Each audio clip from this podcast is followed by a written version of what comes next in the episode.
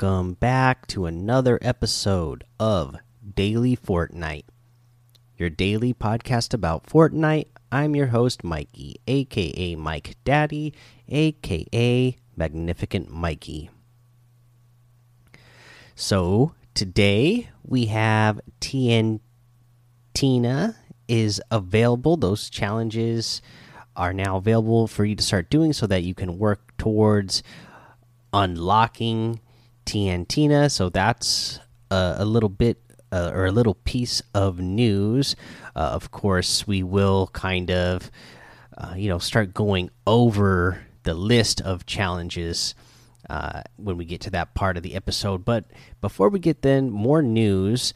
Uh, just basically about a bunch of status things that were uh, fixed. So we've released a maintenance maintenance patch on PlayStation 4 and Xbox One that resolves the, this issue and just as a stability. Uh, this was for. Oh, sorry, I read this part yesterday. That was for the uh, return to lobby, item shop, and report player buttons not working. I'm pretty sure I talked about that yesterday. That those work now. Uh, but let's get back to where we are for more updated things. Um, here it is.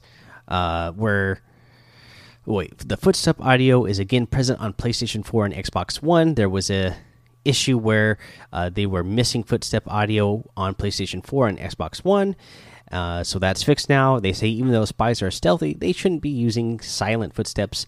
Thank you for the reports. So yeah, that's kind of a big deal. you you need you need to be able to hear opponents, and you guys always know that audio is one of my biggest issues with Fortnite. It has been since the beginning of this game, uh, and so I'm glad that uh, this was a temporary problem and they got it fixed quick. And then there was a issue that seems like it was ongoing throughout the day with Xbox users. Um, they say users having issues completing Fortnite updates should download the current console update by following the steps below. And then there's a link there. So if you're an Xbox user uh, and you're having problems updating Fortnite, apparently there's a, a console update for Xbox right now as well.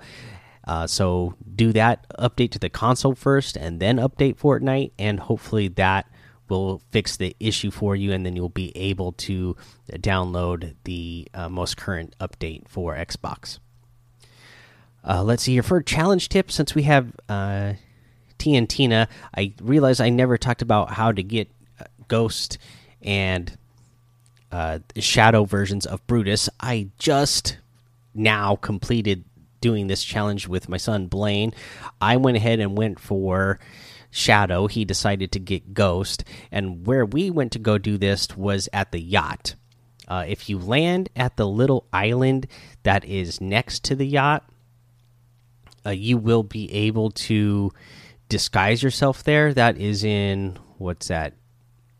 H1 uh, is where the yacht is, and there's a little island that's just to the west of it. You land there. Sometimes there's a couple weapons there, uh, but there's also a booth there, so you can disguise yourself, swim over to the yacht.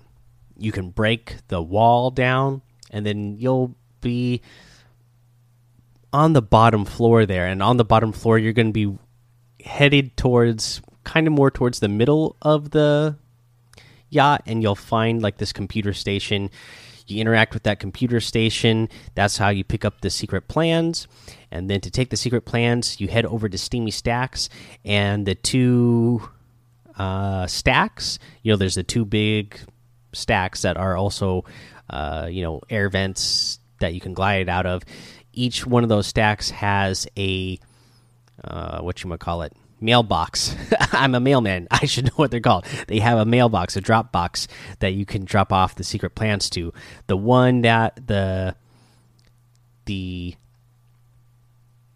the stack that is furthest south, that is where the ghost mailbox is to drop off if you're going to be ghost and if you're going to be shadow. The stack on the north side of Steamy Stacks, the uh, mailbox is by that one. And that's how you get that challenge done. We can go ahead and talk about the challenges that we have for uh, TNTina this week.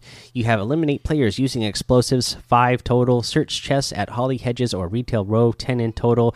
You need to destroy structures with propane tanks, ten in total. Catch air with a motorboat. Uh, let's see here. You need to visit landmarks.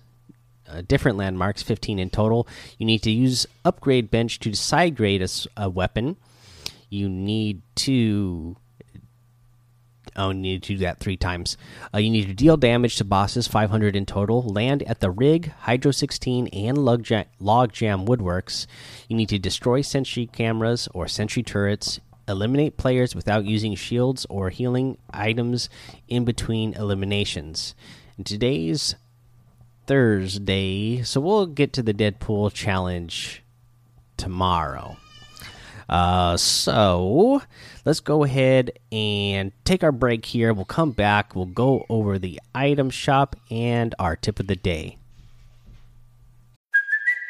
It's Kaley Cuoco for Priceline. Ready to go to your happy place for a happy price? Well, why didn't you say so? Just download the Priceline app right now and save up to 60% on hotels. So, whether it's Cousin Kevin's Kazoo concert in Kansas City, go Kevin, or Becky's Bachelorette Bash in Bermuda, you never have to miss a trip ever again. So, download the Priceline app today. Your savings are waiting.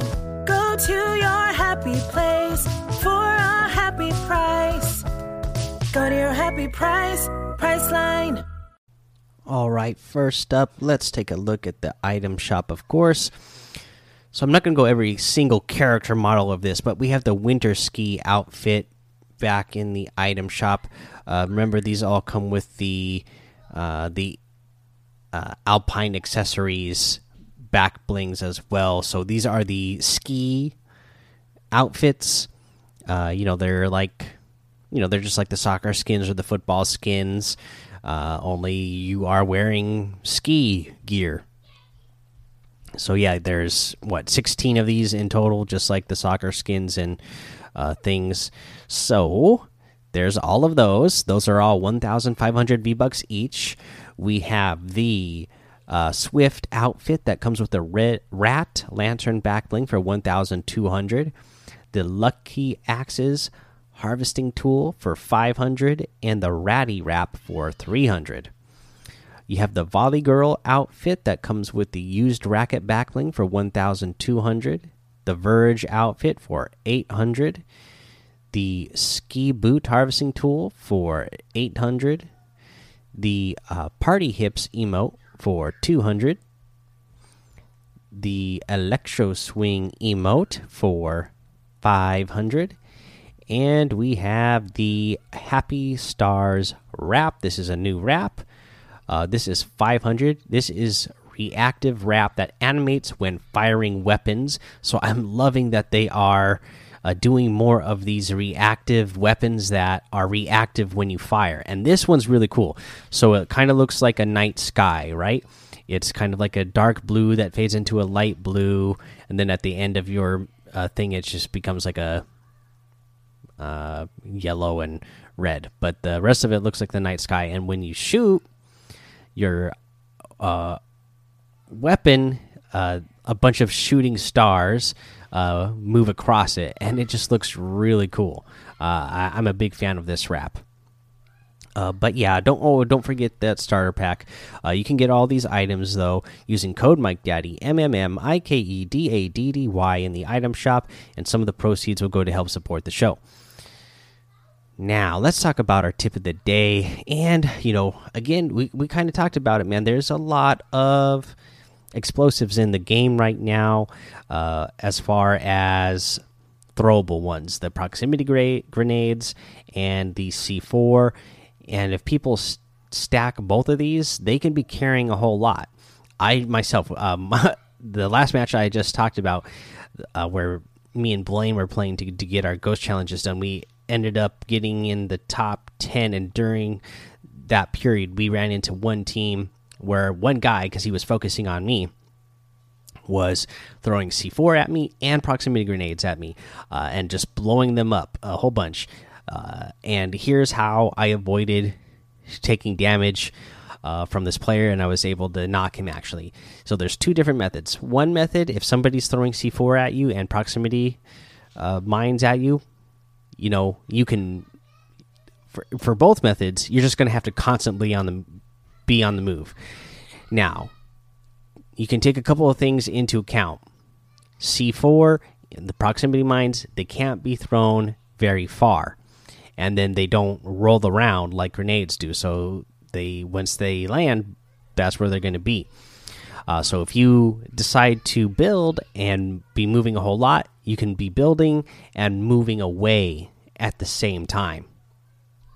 Now, uh, this is a really good method because, again, your opponent is either going to have to keep chasing you, and if they're constantly having their grenades out to throw, they're not going to be able to shoot back at you.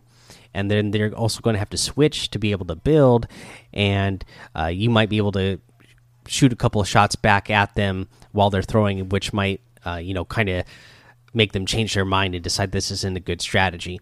But again, you're gonna you're gonna have to build a little bit, you know, be building some walls and moving backwards at the same time at, uh, that you are uh, moving away from your opponent. Now that's one method, and here's the other method: is to be super aggressive. Here's what you know about uh, these as well. You have a little bit of time uh, for the proximity mines. They take a second before they explode. C4, the person has to throw it and detonate it.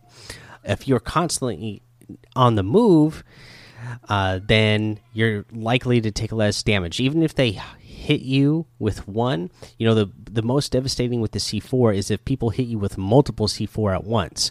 But if you're constantly on the move, that's not going to happen because the, the rate that they can throw them and blow them up, uh, detonate them, it's not fast enough if you're constantly on the move. And if you're moving towards them, at some point they have to, you know, weigh the risk of, hey, that person's, you know, obviously rushing me too close. They're too close to me now.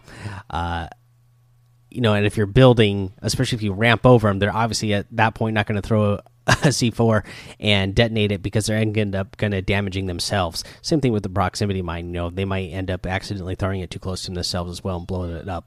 Uh, that's the method I like is to actually be more aggressive with it.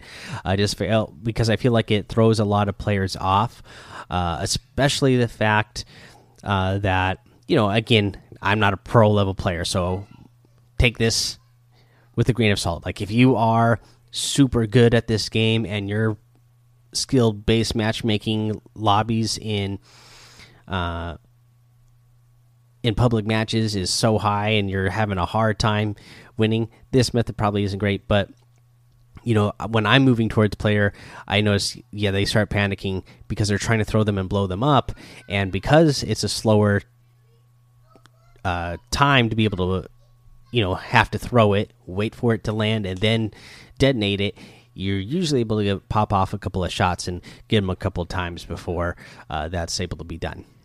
But that's a tip for the day, guys. Go join the Daily Fortnite Discord and hang out with us over there. Follow me over on Twitch, Twitter, and YouTube. Mike Daddy on all of those.